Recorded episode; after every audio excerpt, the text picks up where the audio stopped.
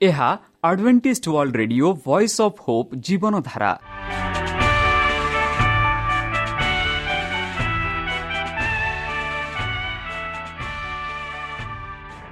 Odia radio କାର୍ଯ୍ୟକ୍ରମ ଯାହା ଆମର ଆନ୍ତର୍ଜାତୀୟ ଆଘାତ କେନ୍ଦ୍ରରୁ ପ୍ରସାରଣ କରାଯାଉଛି ପ୍ରତିଦିନ ରାତି ନଅଟା ତିରିଶ ମିନିଟ୍ରେ। ମୁଁ ସୁବ୍ରତ କୁମାର ପତି ପ୍ରେମର ସହ ଆପଣମାନଙ୍କୁ ଏହି କାର୍ଯ୍ୟକ୍ରମକୁ ସ୍ୱାଗତ କରୁଅଛି। ଚାଲନ୍ତୁ ଆଜିର ତିରିଶ ମିନିଟ୍ର କାର୍ଯ୍ୟକ୍ରମ ବିଷୟରେ ଜାଣିନେବା। ପ୍ରଥମେ ରଖିଛୁ ଆଧ୍ୟାତ୍ମିକ ଭକ୍ତିମୟ ଗୀତ।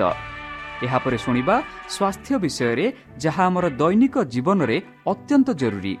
ଆଉ ପରିଶେଷରେ ଶୁଣିବା ପରମେଶ୍ୱରଙ୍କ ଭକ୍ତଙ୍କଠାରୁ ଜୀବନଦାୟକ ଈଶ୍ୱରଙ୍କ ବାକ୍ୟ। ପ୍ରିୟ ଶ୍ରୋତା ତାହେଲେ ଚାଲନ୍ତୁ ଶୁଣିବା ଏକ ଆଧ୍ୟାତ୍ମିକ ଭକ୍ତିମୟ ଗୀତ।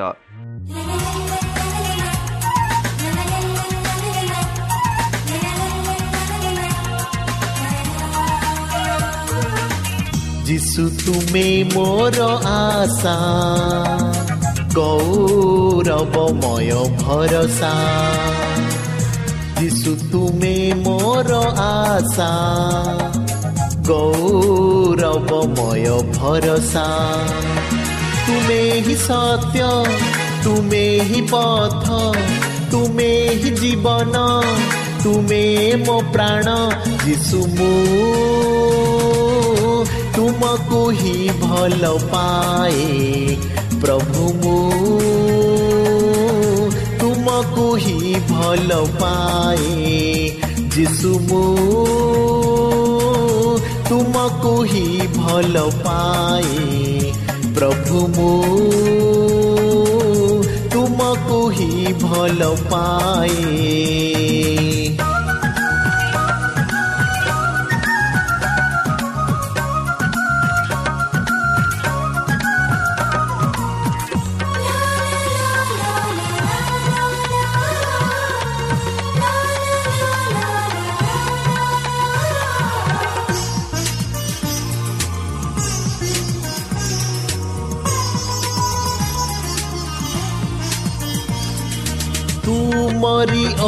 ଅମୂଲ୍ୟ ରକ୍ତ ରହିଛି ମତେ ଘେରି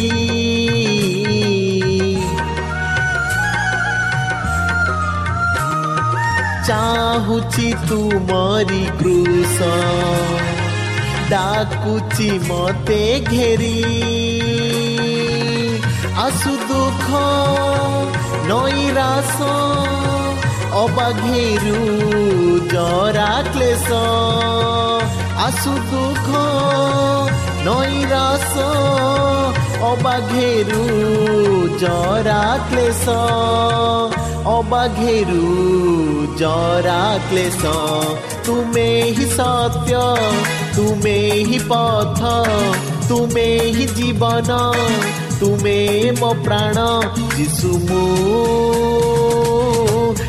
ତୁମକୁ ହିଁ ଭଲ ପାଏ ପ୍ରଭୁ ମୁଁ ତୁମକୁ ହିଁ ଭଲ ପାଏ ଯିଶୁ ମୁଁ ତୁମକୁ ହିଁ ଭଲ ପାଏ ପ୍ରଭୁ ମୁଁ ତୁମକୁ ହିଁ ଭଲ ପାଏ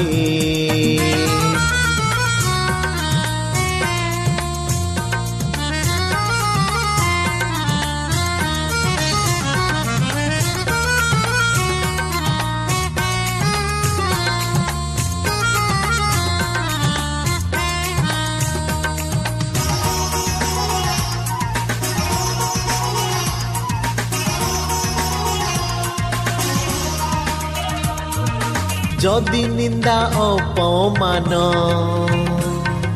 দিয়ে শত্রু সয়তান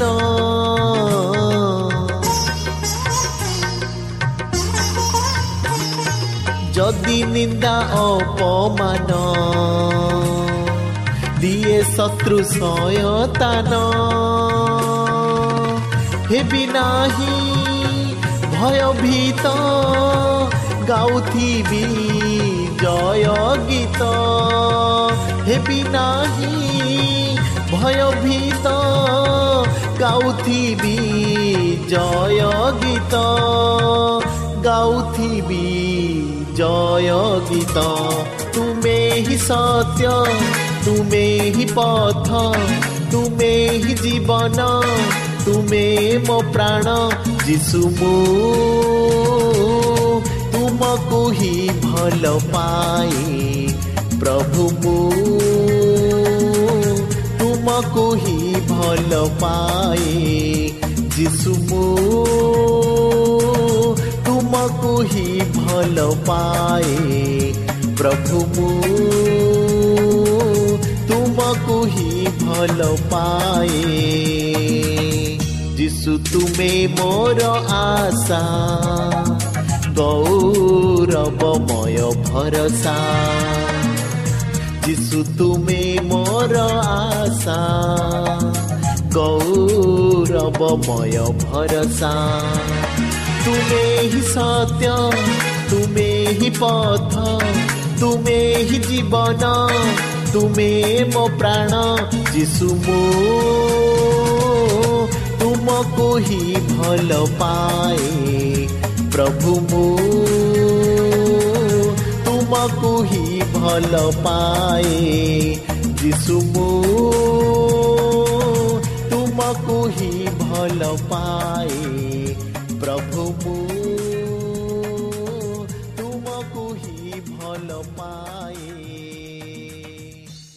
প্রিয় শ্রোতা আমি আশা করুছু যে আমার কার্যক্রম আপনার পসন্দ লাগুব ଆପଣଙ୍କର ମତାମତ ଜଣାଇବା ପାଇଁ ଆମର ଏହି ଠିକଣାରେ ଯୋଗାଯୋଗ କରନ୍ତୁ ଆମ ଠିକଣା Adventist media centre S D A mission compound Salisbury park Pune ଚାରି ଏକ ଏକ ଶୂନ ତିନି ସାତ ମହାରାଷ୍ଟ୍ର ବା ଖୋଲନ୍ତୁ ଆମର ୱେବସାଇଟ୍ ଯେକୌଣସି android phone smartphone desktop laptop କିମ୍ବା ଟ୍ୟାବ୍ଲେଟ୍ ଆମର website W W W dot A W R dot O R G slash O R I ଏବଂ W W W dot Adventist media centre India dot O R G ବର୍ତ୍ତମାନ ଚାଲନ୍ତୁ ଶୁଣିବା ଈଶ୍ୱରଙ୍କ ଭକ୍ତଙ୍କଠାରୁ ଈଶ୍ୱରଙ୍କ ଜୀବନଦାୟକ ବାକ୍ୟ ନମସ୍କାର ପ୍ରିୟ ଶ୍ରୋତା ସେହି ସର୍ବଶକ୍ତି ସର୍ବଜ୍ଞାନୀ ପ୍ରେମର ସାଗର ଦୟାମୟ ଅନ୍ତର୍ଜମୀ ଅନୁଗ୍ରହ ପରମ ପିତାଙ୍କ ମଧୁର ନାମରେ ମୁଁ ପାଷ୍ଟ ପୂର୍ଣ୍ଣଚନ୍ଦ୍ର ଆଉ ଥରେ ଆପଣମାନଙ୍କୁ ଏହି କାର୍ଯ୍ୟକ୍ରମରେ ସ୍ୱାଗତ କରୁଅଛି। ସେହି ସର୍ବଶକ୍ତି ପରମେଶ୍ୱର ଆପଣମାନଙ୍କୁ ଆଶୀର୍ବାଦ କରନ୍ତୁ। ଆପଣଙ୍କୁ ସମସ୍ତ ପ୍ରକାର ଦୁଃଖ କଷ୍ଟ ବାଧା କ୍ଲେଶ ଓ ରୋଗରୁ ଦୂରେଇ ରଖନ୍ତୁ। ଶତ୍ରୁ ସୈତାନ ହସ୍ତରୁ ସେ ଆପଣଙ୍କୁ ସୁରକ୍ଷାରେ ରଖନ୍ତୁ। ତାହାଙ୍କ ପ୍ରେମ ତାହାଙ୍କ ସ୍ନେହ ତାହାଙ୍କ କୃପା ତାହାଙ୍କ ଅନୁଗ୍ରହ ସଦାସର୍ବଦା ଆପଣଙ୍କଠାରେ ସହବର୍ତ୍ତୀ ରହ। ପ୍ରିୟସତା ଚାଲନ୍ତୁ ଆଜି ଆମ୍ଭେମାନେ କିଛି ସମୟ ପବିତ୍ର ଶାସ୍ତ୍ର ବାଇବଲଠୁ ତାହାଙ୍କ ଜୀବନଦାୟକ ବାକ୍ୟ ଧ୍ୟାନ କରିବା। ଆଜିର ଆଲୋଚନା ହେଉଛି ବାଇବଲ ନିଜର ସାକ୍ଷ୍ୟ କରିଦିଏ। ଭାଗ ଏକ। ବନ୍ଧୁ ବାଇବଲ ନିଜେ କୁହେ କି ଏହା ପରମେଶ୍ୱରଙ୍କ ବାକ୍ୟ। ଯଦି ଆମେ ଦେଖିବା ଦ୍ୱିତୀୟ ତିମତି ତିନି ପନ୍ଦର ସେଠି ଆମେ ଦେଖୁଅଛୁ ଯେଉଁ ଧର୍ମଶାସ୍ତ୍ର ଖ୍ରୀଷ୍ଟ ଯୀଶୁଙ୍କ ଠାରେ ବିଶ୍ୱାସ ଦ୍ୱାରା ତୁମକୁ ପରିତ୍ରାଣ ଜନକ ଜ୍ଞାନ ଦେବାକୁ ସମର୍ଥ ତାହା ତୁମ୍ଭେ ବାଲ୍ୟକାଳଠାରୁ ଜ୍ଞାତ ଅଛ। ବନ୍ଧୁ ଯୀଶୁ ପ୍ରଭୁ ଯେବେ ଏହି ପୃଥିବୀରେ ଥିଲେ ଆଉ ସେହି ସବୁ ଆମେ ଦେଖୁଅଛୁ ଯୀଶୁ ପ୍ରଭୁ କିପରି ସେମାନଙ୍କୁ ବାଇବଲ ବିଷୟରେ କହିଲେ ଆଉ ବାଇବଲ କିପରି ତାହାଙ୍କୁ ସାକ୍ଷାତ କରୁଛୁ କହୁଛି ତାହା ବିଷୟ ସେ କହିଲେ। ଯଦି ଆମେ ଜହନ ତାର ଷୋହଳ ତେର ପଡ଼ିବା ତୁମ୍ଭେମାନେ ମୋତେ ଗୁରୁ ଓ ପ୍ରଭୁ ବୋଲି ଡାକୁଅଛ ଆଉ ଯଥାର୍ଥ କହୁଅଛ କାରଣ ମୁଁ ତ ସେହି। ଯେତେବେଳେ ଯୀଶୁ ପ୍ରଭୁ ଏହି ପୃଥିବୀରେ ଥିଲେ ସେତେବେଳେ ଲୋକେ ଯୀଶୁ ପ୍ରଭୁକୁ ଗୁରୁ ଓ ପ୍ରଭୁ ବୋଲି ଡାକୁଥିଲେ।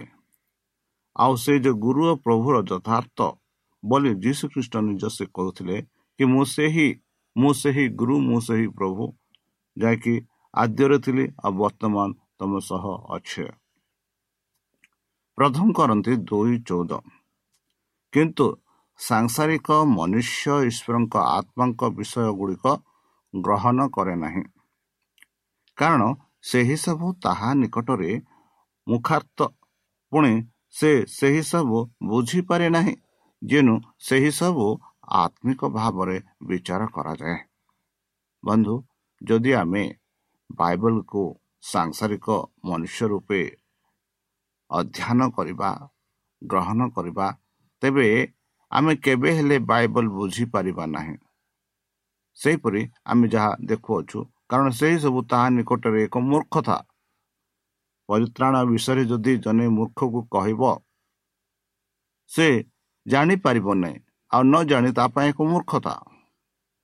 ସେହିପରି ପବିତ୍ର ଶାସ୍ତ୍ର ବାଇବଲ ପ୍ରଥମ କରନ୍ତିରେ ସାଧୁ ପାଲ ଲେଖନ୍ତି କି ପୁଣି ସେହି ସବୁ ତା ପାଇଁ ମୂର୍ଖତା ଆଉ ସେ ବୁଝିପାରେ ନାହିଁ।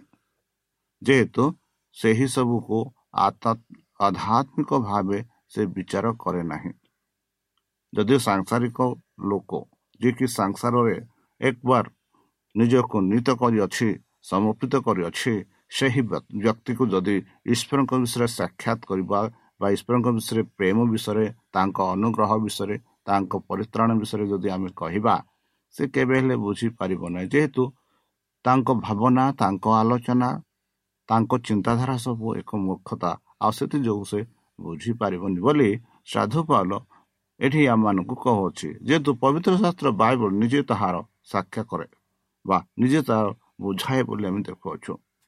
ରମିୟ ବାର ଦୁଇ। ସେଠି ଆମେ ଦେଖୁଅଛୁ ବନ୍ଧୁ କି ତୁମ୍ଭେମାନେ ଏହି ବର୍ତ୍ତମାନ ଯୁଗର ଅନୁରୂପୀ ହୁଅ ନାହିଁ। କିନ୍ତୁ ଯେପରି ତୁମେମାନେ ଈଶ୍ୱରଙ୍କ ଇଚ୍ଛା କ'ଣ ଅର୍ଥାତ୍ ଉତ୍ତମ ସୁଗ୍ରାହ୍ୟ ଓ ସିଦ୍ଧ ବିଷୟ କ'ଣ ଏହା ପରୀକ୍ଷା କରି ଜାଣିପାର। ଏଥି ନିମନ୍ତେ ଆପଣ ଆପଣା ମନ ନୂତନୀକରଣ ଦ୍ୱାରା ପରିବର୍ତ୍ତିତ ହୁଅ। କେଡ଼େ ସୁନ୍ଦର ଭାବରେ ସାଧୁ ପାଲ କି ପବିତ୍ର ଶାସ୍ତ୍ର ବାଇବଲରେ ଧ୍ୟାନ କରୁଛି ସେମାନଙ୍କୁ କହୁଅଛନ୍ତି କି ତୁମେ ମନକୁ ନୂତନୀକରଣ ଦ୍ୱାରା ପରିବର୍ତ୍ତିତ ହୁଅ। ଏହି ଦୁନିଆରେ ରୁହ ନାହିଁ ଏହି ଦୁନିଆ କଥା ମାନ ନାହିଁ ବରଂ ଈଶ୍ୱରଙ୍କ ଇଚ୍ଛାକୁ ପୂର୍ଣ୍ଣ କରିବା ପାଇଁ ଏକ ଉତ୍ତମ ଏକ ସୁଗ୍ରାହୀ ଓ ସିଦ୍ଧ ବିଷୟ ଭାବ ପରୀକ୍ଷା କର ତାପରେ ତାକୁ ଗ୍ରହଣ କର ବୋଲି ସାଧୁ ପାଇଲ ଆମମାନଙ୍କୁ ବୁଝାଇ କହୁଅଛନ୍ତି।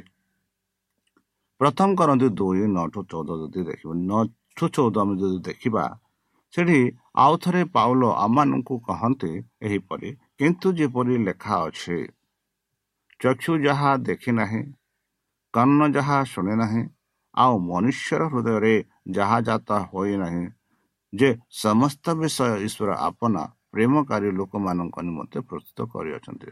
ବନ୍ଧୁ ଯାହା ଯେପରି ଚକ୍ଷୁ କେବେ ବି ଦେଖି ନାହିଁ କର୍ଣ୍ଣ କେବେ ଶୁଣି ନାହିଁ ଆଉ ମନୁଷ୍ୟର ହୃଦୟ ଯାହା କେବେ ବି ଜାତ ହୋଇନାହିଁ ସେ ସମସ୍ତ ବିଷୟ ଈଶ୍ୱର ଆପଣ ପ୍ରେମକାରୀ ଯେଉଁମାନେ ଈଶ୍ୱରଙ୍କୁ ପ୍ରେମ କରୁଛନ୍ତି ସେମାନଙ୍କ ପାଇଁ ପ୍ରସ୍ତୁତ କରୁଅଛନ୍ତି ବୋଲି ସାଧୁ ପାଲ କହନ୍ତି।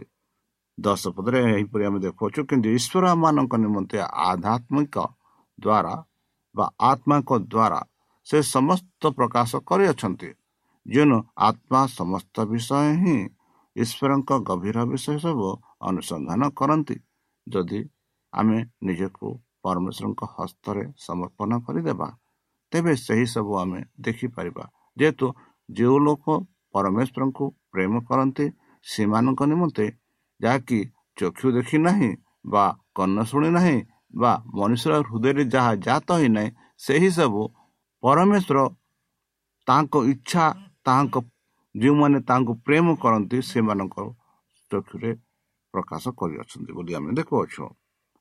ତାର ଏଗାର ପଦରେ ଆମେ ଦେଖୁ କାରଣ ମନୁଷ୍ୟର ବିଷୟ ସବୁ ମନୁଷ୍ୟଠାରେ ଥିବା ଆତ୍ମା ବିନା ଆଉ କିଏ ଜାଣେ?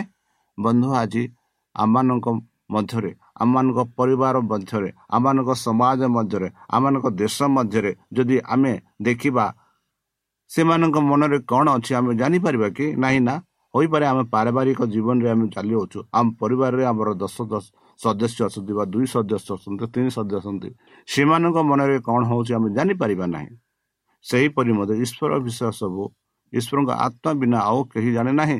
ଯଦି ଈଶ୍ୱରଙ୍କୁ ଆମେ ଜାଣିବାକୁ ଚାହୁଁଛୁ ତାହେଲେ ଈଶ୍ୱରଙ୍କ ଆତ୍ମା ଆମ ଠାରେ ଥିବାର ଅଛି। ଈଶ୍ୱରଙ୍କ ଚିନ୍ତାଧାରା ଆମଠାରେ ଥିବା ତେବେ ହିଁ ଈଶ୍ୱରଙ୍କର ବିଷୟ ଆମେ ଜାଣିପାରିବା। ଯଦି ଈଶ୍ୱରଙ୍କ ଆତ୍ମା ଆମଠାରେ ନାହିଁ ତାହେଲେ ଆମେ କେବେ ହେଲେ ଜାଣିପାରିବା ନାହିଁ। ଯେପରି ଈଶ୍ୱରଙ୍କ ଦ୍ୱାରା ଆତ୍ମମାନଙ୍କ ଆମ୍ଭମାନଙ୍କ ଅନୁଗ୍ରହରେ ଦତ୍ତ ବିଷୟ ଗୁଡ଼ିକ ଆମ୍ଭେମାନେ ଜାଣିପାରୁ। ଏଥିପାଇଁ ଆମ୍ଭେମାନେ ଜଗତର ଆତ୍ମା ନ ପାଇ ଈଶ୍ୱରଙ୍କ ଆତ୍ମା ପାଇଅଛୁ। ବନ୍ଧୁ ଯେହେତୁ ଆମେ ଈଶ୍ୱରଙ୍କୁ ପ୍ରେମ କରୁଛୁ ଆଉ ଈଶ୍ୱର ମାନଙ୍କୁ ତାଙ୍କ ଅନୁଗ୍ରହ ଦତ୍ତ କରୁଛନ୍ତି ସେଥିଯୋଗୁଁ ଈଶ୍ୱରଙ୍କ ବିଷୟରେ ଆମେ ତାଙ୍କ ବିଷୟରେ ଆମେ ଜାଣିପାରୁଛୁ। ଆମେ ଜଗତର ଆତ୍ମା ନ ପାଇ ବରଂ ଆମେ ଈଶ୍ୱରଙ୍କ ଆତ୍ମା ପାଇଅଛୁ ସେଥିଯୋଗୁଁ ଈଶ୍ୱରଙ୍କ ପ୍ରେମ ଆମେ ଅନୁଭବ କରୁଛୁ ବୋଲି ପବିତ୍ର ଶାସ୍ତ୍ର ବାଇବଲ କହୁଅଛି। ଆଉ ସେହି ତେର ପଦରେ ଆମେ ଦେଖୁଅଛୁ ସେହି ସମସ୍ତ ବିଷୟ ମଧ୍ୟ। ଆମ୍ଭେମାନେ ମନୁଷ୍ୟର ଜ୍ଞାନ ଦ୍ୱାରା ଶିକ୍ଷିତ ବାକ୍ୟର କହିନଥାଉ ମାତ୍ର ଆଧ୍ୟାତ୍ମିକ ବିଷୟ ସବୁ ଆତ୍ମିକ ବିଷୟ ଦ୍ୱାରା ବୁଝାଇ ଆତ୍ମାଙ୍କ ଦ୍ୱାରା ଶିକ୍ଷିତ ବାକ୍ୟରେ କହିଥାଉ। ସାଧୁ ପାଉଲ ସେହି କରନ୍ତୀୟ ମଣ୍ଡଳୀକୁ କହନ୍ତି ଯେ ଦେଖନ୍ତୁ ଯାହା ଯାହା ଜ୍ଞାନ ଆମେ ଲାଭ ପାଇଅଛୁ ସେ ଜ୍ଞାନ ଆମର ନୁହେଁ। ସେଇ ଜ୍ଞାନ ପରମେଶ୍ୱର ମାନଙ୍କୁ ଆଧ୍ୟାତ୍ମିକ ରୂପେ ପ୍ରଦାନ କରିଅଛନ୍ତି। ଆଉ ସେହି ଜ୍ଞାନ ଆପଣମାନଙ୍କୁ ଶିକ୍ଷିତ କରିଅଛି। ଆଉ ଆମମାନେ ତୁମମାନଙ୍କୁ ବୁଝାଉଅଛୁ ବୋଲି ସାଧୁ ପାଲ କହୁଛନ୍ତି। ତାର ଶେଷ ପଦରେ ଆମେ ଦେଖିବା ଚଉଦରେ କିନ୍ତୁ ସାଂସାରିକ ମଣିଷ ଈଶ୍ୱରଙ୍କ ଆତ୍ମା ବିଷୟ ଗୁଡ଼ିକ ଗ୍ରହଣ କରେ ନାହିଁ। ସାଂସାରିକ ମଣିଷ ଯିଏକି ଈଶ୍ୱରଙ୍କୁ ଗ୍ରହଣ କରିନାହିଁ ଯିଏକି ଈଶ୍ୱରଙ୍କ ବିରୁଦ୍ଧରେ କୁହେ ଆଉ ଯିଏକି ଈଶ୍ୱରଙ୍କ ଠାରେ ବିଶ୍ୱାସ କରେ ନାହିଁ ସେମାନେ ହେଉଛନ୍ତି ସାଂସାରିକ ମଣିଷ। ଆଉ ସେଇ ସାଂସାରିକ ମନୁଷ୍ୟମାନଙ୍କୁ ଆଧ୍ୟାତ୍ମିକ ବିଷୟ ଗୁଡ଼ିକ କେବେ ହେଲେ ଗ୍ରହଣ କରେ ନାହିଁ। କାରଣ ସେହି ସବୁ ତାହାଙ୍କ ନିକଟରେ ମୂର୍ଖତା। ସେହିପରି ଦ୍ୱିତୀୟ କରନ୍ତି ତିନି ଚଉଦରେ ଆମେ ପାଉଅଛୁ ବନ୍ଧୁ ପୁଣି ସେ ସେହି ସବୁ ବୁଝିପାରେ ନାହିଁ। ଯେଣୁ ସେହି ସବୁ ଆତ୍ମିକ ଭାବରେ ବିଚାର କରାଯାଏ। ଆଉ ଇସ୍ରାଏଲ ସନ୍ତାମାନେ ସେପରି ସେହି କ୍ଷଣସ୍ଥାୟୀ ଗୌରବ ଲୋପ ପାଉଥିବା ଦୃଶ୍ୟ ପ୍ରତି ସ୍ଥିର ଦୃଷ୍ଟି ନ କରନ୍ତି। ଆଉ ସେଥିପାଇଁ ମୋ ସେ ପ୍ରକାରେ ଆପଣ ମୁଖରେ ଅବରଣ ଦେଉଥିଲେ। ଆମ୍ଭେମାନେ ସେ ପ୍ରକାର କରୁନାହୁଁ। ବନ୍ଧୁ ମଶା ମଧ୍ୟ ଅନେକ ଥର ଇସ୍ରାଏଲ ପ୍ରଜାମାନଙ୍କୁ ଈଶ୍ୱରଙ୍କ ପ୍ରେମ ବିଷୟରେ କହୁଥିଲେ। ଆଉ ଯେପରି ସେମାନେ ବେଲେ ବେଲେ ଈଶ୍ୱରଙ୍କ ପ୍ରେମରୁ ବାହାର ହୋଇ ନିଜ କାମରେ କରୁଥିଲେ। ଜହନ ଆଠ ଚଉରାଳିଶରେ ଆମେ ଦେଖୁଛୁ ଜହନ ପରି କହୁଅଛେ ତୁମ୍ଭେମାନେ ତୁମମାନଙ୍କ ପିତା ସୈତନ ଠାରୁ ଉତ୍ପନ୍ନ। ଯେତେ ଲୋକ ପରମେଶ୍ୱରଙ୍କୁ ବିଶ୍ୱାସ କରନ୍ତି ନାହିଁ ଯେତେ ଲୋକ ସାଂସାରିକ ନିୟମ ସାଂସାରିକ ନୀତି ସାଂସାରିକ ବ୍ୟବସ୍ଥା ସାଂସାରିକ ଚାଲିଚଳନରେ ନିଜକୁ ନିଯୁକ୍ତ କରିଅଛନ୍ତି ସେମାନେ ଶୈତାନର ଉତ୍ପନ୍ନ ବୋଲି ଆମେ ଦେଖୁଅଛୁ। ଆଉ ତୁମମାନଙ୍କ ପିତାର କାମନା ସାଧନ କରିବା ତୁମମାନଙ୍କର ଇଚ୍ଛା। ଆମର ପରମେଶ୍ୱରଙ୍କ କାମ ହେଉଛି ଯେପରି ଆମେ ତାହାଙ୍କ ପ୍ରେମ ବିଷୟରେ ଅନ୍ୟମାନଙ୍କୁ ଶିଖାଇବା କହିବା ଯେପରି ସେମାନେ ଜାଣିବେ ଆଉ ସେମାନେ ମଧ୍ୟ ଅନନ୍ତ ଜୀବନ ପ୍ରାପ୍ତ ହୋଇପାରିବେ। ଏହା ହେଉଛି ଈଶ୍ୱରଙ୍କ ଇଚ୍ଛା। ଈଶ୍ୱରଙ୍କ ଇଚ୍ଛା କି ସମସ୍ତେ ଆମେ ସ୍ୱର୍ଗ ରାଜ୍ୟ ଯାଉ ସମସ୍ତେ ତାହାଙ୍କ ଠାରେ ପ୍ରଭୁ ଆଉ ସମସ୍ତେ ବା କେହି ବି ଏହି ପୃଥିବୀରେ ବିନଷ୍ଟ ନୁହନ୍ତୁ ବରଂ ସମସ୍ତେ ଅନନ୍ତ ଜୀବନ ପ୍ରାପ୍ତ ହୁଅନ୍ତୁ ଏହା ହେଉଛି ଈଶ୍ୱରଙ୍କ ଇଚ୍ଛା। ଆଉ ସେହି ଇଚ୍ଛାକୁ ଆମେ ସାଧନ କରିବା। ସେ ଆଦ୍ୟରୁ ନର ଘାତ ଆଉ ସେ ସତ୍ୟରେ ରହେ ନାହିଁ। କାରଣ ତାହାଠାରେ ସତ୍ୟ ନାହିଁ। କିଏ ଯିଏକି ଈଶ୍ୱରଙ୍କୁ ବିଶ୍ୱାସ କରେ ନାହିଁ। ଯେତେବେଳେ ସେ ଆଉ ସେ ଯେଉଁ ଲୋକ ଈଶ୍ୱରକୁ ବିଶ୍ୱାସ କରେ ନାହିଁ ସେ କିଏ ଲୋକ? ସହିତ ଠାରୁ ଉତ୍ପନ୍ନ ବୋଲି ଆମେ ଦେଖୁଅଛୁ। ସେ ମିଥ୍ୟା କହେ ସେତେବେଳେ ସେ ନିଜ ଠାରୁ କହେ କାରଣ ସେ ମିଥ୍ୟାବାଦୀ ଓ ମିଥ୍ୟାବାଦୀର ପିତା। କିଏ? ସେହି ସୈତାନ କି ସେ ହେଉଛନ୍ତି ମିଥ୍ୟାବାଦୀର ପିତା। ଏଥିଯୋଗୁଁ ବାଇବଲ ନିଜେ ତାହା ବିଷୟରେ ସାକ୍ଷାତ କହୁଅଛି। ବନ୍ଧୁ ଈଶ୍ୱର ପ୍ରତ୍ୟାଦେଶ ସକଳକୁ ନିର୍ଭୁଳ ଭାବେ ଲେଖିବା ବାଇବଲ ଲେଖକଗଣକୁ ପବିତ୍ର ଆତ୍ମା ଅନୁପ୍ରେରଣ ଦାନ କରିଥିଲା।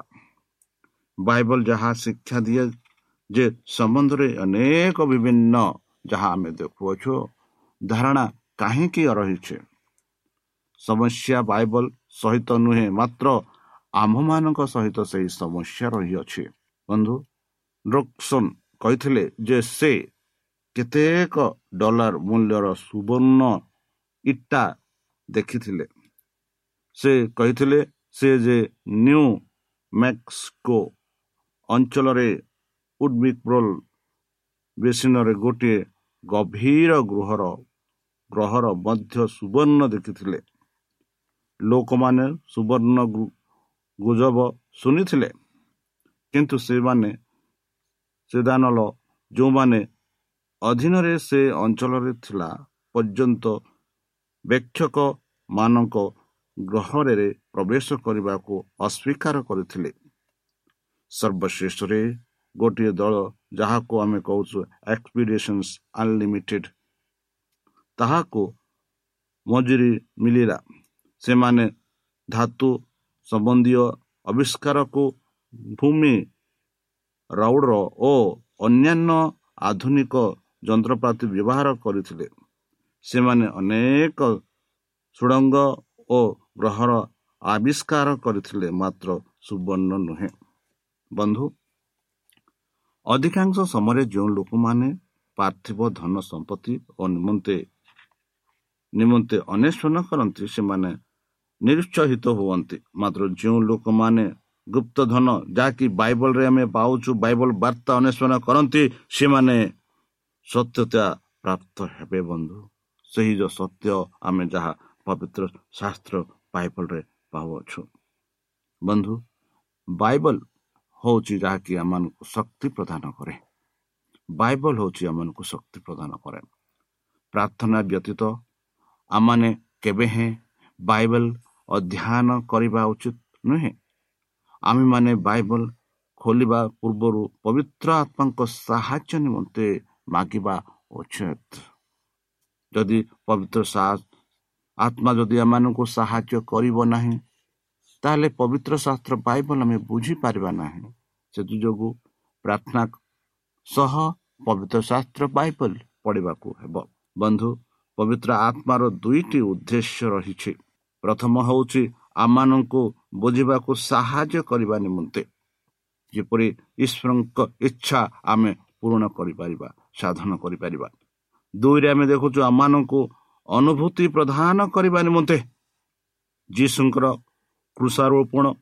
କିଛି ପୂର୍ବରୁ ଯୀଶୁ ତାହାଙ୍କ ଶିଷ୍ୟମାନଙ୍କୁ କହିଥିଲେ ସତ୍ୟମୟ ଆତ୍ମା ଆସିଲେ ସେ ପଥ ଦେଖାଇ ତୁମ ମାନଙ୍କୁ ସମସ୍ତ ସତ୍ୟରେ ପ୍ରବେଶ କରାଇବେ। ଏହିପରି ଜହନ ଷୋହଳ ତେରରେ ଆମେ ପଢ଼ି ସାରିଅଛୁ। ତାହାଙ୍କର ଆଦ୍ୟ ସେବାକ ସେବା କାର୍ଯ୍ୟରେ ଯୀଶୁ ନିକଟଦିମକୁ କହିଥିଲେ ଆତ୍ମା ଓ ଜଳରୁ ଜନ୍ମ ନ ହେଲେ କେହି ଈଶ୍ୱରଙ୍କ ରାଜ୍ୟରେ ପ୍ରବେଶ କରିପାରିବ ନାହିଁ ଜଣେ ବ୍ୟକ୍ତି ଶାରୀରିକ ଭାବେ ପିତାମାତାଙ୍କ ଠାରୁ ଜନ୍ମ ନିଅନ୍ତି ବନ୍ଧୁ କିନ୍ତୁ ସେ ଆଧ୍ୟାତ୍ମିକ ଭାବରେ ପବିତ୍ର ଆତ୍ମକ ଠାରୁ ଜନ୍ମ ନିଅନ୍ତି। ଏହିପରି ଜହନ ତିନି ପାଞ୍ଚ ଛଅରେ ଆମେ ପାଉଛୁ। ବନ୍ଧୁ ପ୍ରଥମ କରନ୍ତି ଦୁଇ ଚଉଦ ଅନୁସାରେ। କିନ୍ତୁ ସାଂସାରିକ ମନୁଷ୍ୟ ଈଶ୍ୱରଙ୍କ ଆତ୍ମାଙ୍କ ବିଷୟ ଗୁଡ଼ିକ ଗ୍ରହଣ କରେ ନାହିଁ ଯାହା ମୁଁ ପଢ଼ିସାରିଛି। କାରଣ ସେହି ସବୁ ତାହା ନିକଟରେ ମୂର୍ଖତା। ଆମମାନଙ୍କ ମନରେ ଆଧ୍ୟାତ୍ମିକ ଦିଶିକ୍ତ ଈଶ୍ୱରଙ୍କ କାର୍ଯ୍ୟ ଈଶ୍ୱରଙ୍କ ଇଚ୍ଛା ବୁଝିବାକୁ ଆଧ୍ୟାତ୍ମିକ ନିଷିକ୍ତ ଆମମାନଙ୍କ ସାହାଯ୍ୟ କରେ।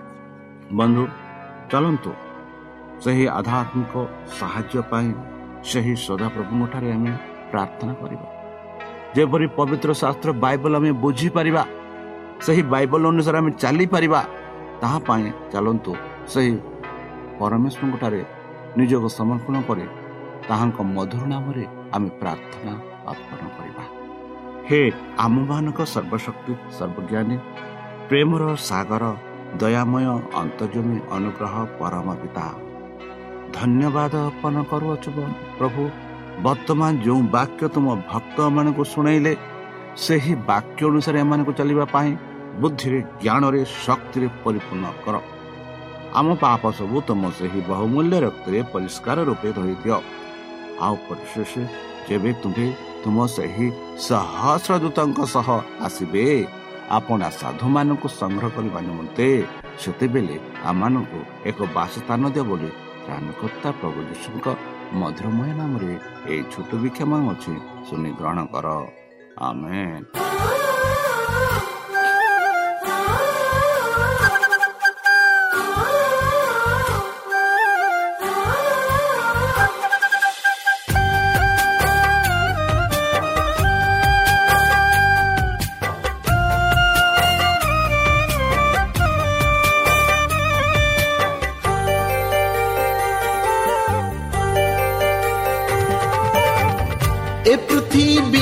ଜାଣୁ ଆମେ ଯୀଶୁଙ୍କର ଏ ପୃଥିବୀ ହେଉ ସ୍ୱର୍ଗ ସମାନ।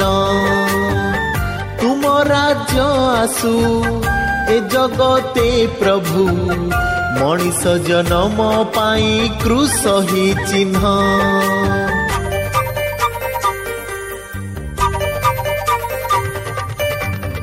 ଏ ପୃଥିବୀ ଜାଣୁ ଆମେ ଯୀଶୁଙ୍କର ଏ ପୃଥିବୀ ହେଉ ସ୍ୱର୍ଗ ସମାନ। ତୁମ ରାଜ୍ୟ ଆସୁ ଏ ଜଗତେ ପ୍ରଭୁ ମଣିଷ ଜନମ ପାଇଁ କୃଷ ହିଁ ଚିହ୍ନ।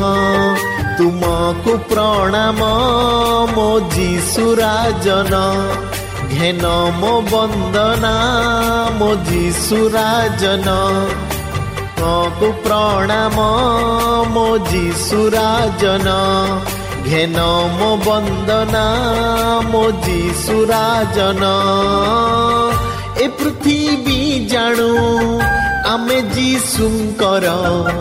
ଏ ପୃଥିବୀ ହେଉ ସ୍ୱର୍ଗ ସମାନ। ଏ ପୃଥିବୀ ହେଉ ସ୍ୱର୍ଗ ସମାନ। প্রিয় শ্রোতা আমি আশা করুছু যে আমার কার্যক্রম ଆପଣମାନଙ୍କୁ ପସନ୍ଦ ଲାଗୁଥିବ ଆପଣଙ୍କର ମତାମତ ଜଣାଇବା ପାଇଁ ଆମର ଏହି ଠିକଣାରେ ଯୋଗାଯୋଗ କରନ୍ତୁ ଆମ ଠିକଣା Adventist Media Centre SDA Mission Compound Salisbury Park Pune ଚାରି ଏକ ଏକ ଶୂନ ତିନି ସାତ ମହାରାଷ୍ଟ୍ର ବା ଖୋଲନ୍ତୁ ଆମର ୱେବସାଇଟ୍ ଯେକୌଣସି Android phone smartphone desktop laptop କିମ୍ବା ଟ୍ୟାବ୍ଲେଟ୍ ଆମର ୱେବସାଇଟ୍ www.awr.org ଓଆର୍ଜି ଏବଂ www.adventistmediacenterindia.org ଆଡ଼ଭେଣ୍ଟିସ୍ଡ ମିଡ଼ିଆ ସେଣ୍ଟର ଇଣ୍ଡିଆର ସ୍ପେଲିଂ ହେଉଛି A D V E N T I S T M E D I A C E N T R E I N D I A ଅଥବା download କରନ୍ତୁ ଆମର mobile app ଆପଣଙ୍କର mobile play ଷ୍ଟୋରକୁ ଯାଆନ୍ତୁ ଆଉ type କରନ୍ତୁ the voice of hope ଆଉ download କରନ୍ତୁ। ଈଶ୍ୱର ଆପଣଙ୍କୁ ଆଶୀର୍ବାଦ କରନ୍ତୁ। ଧନ୍ୟବାଦ।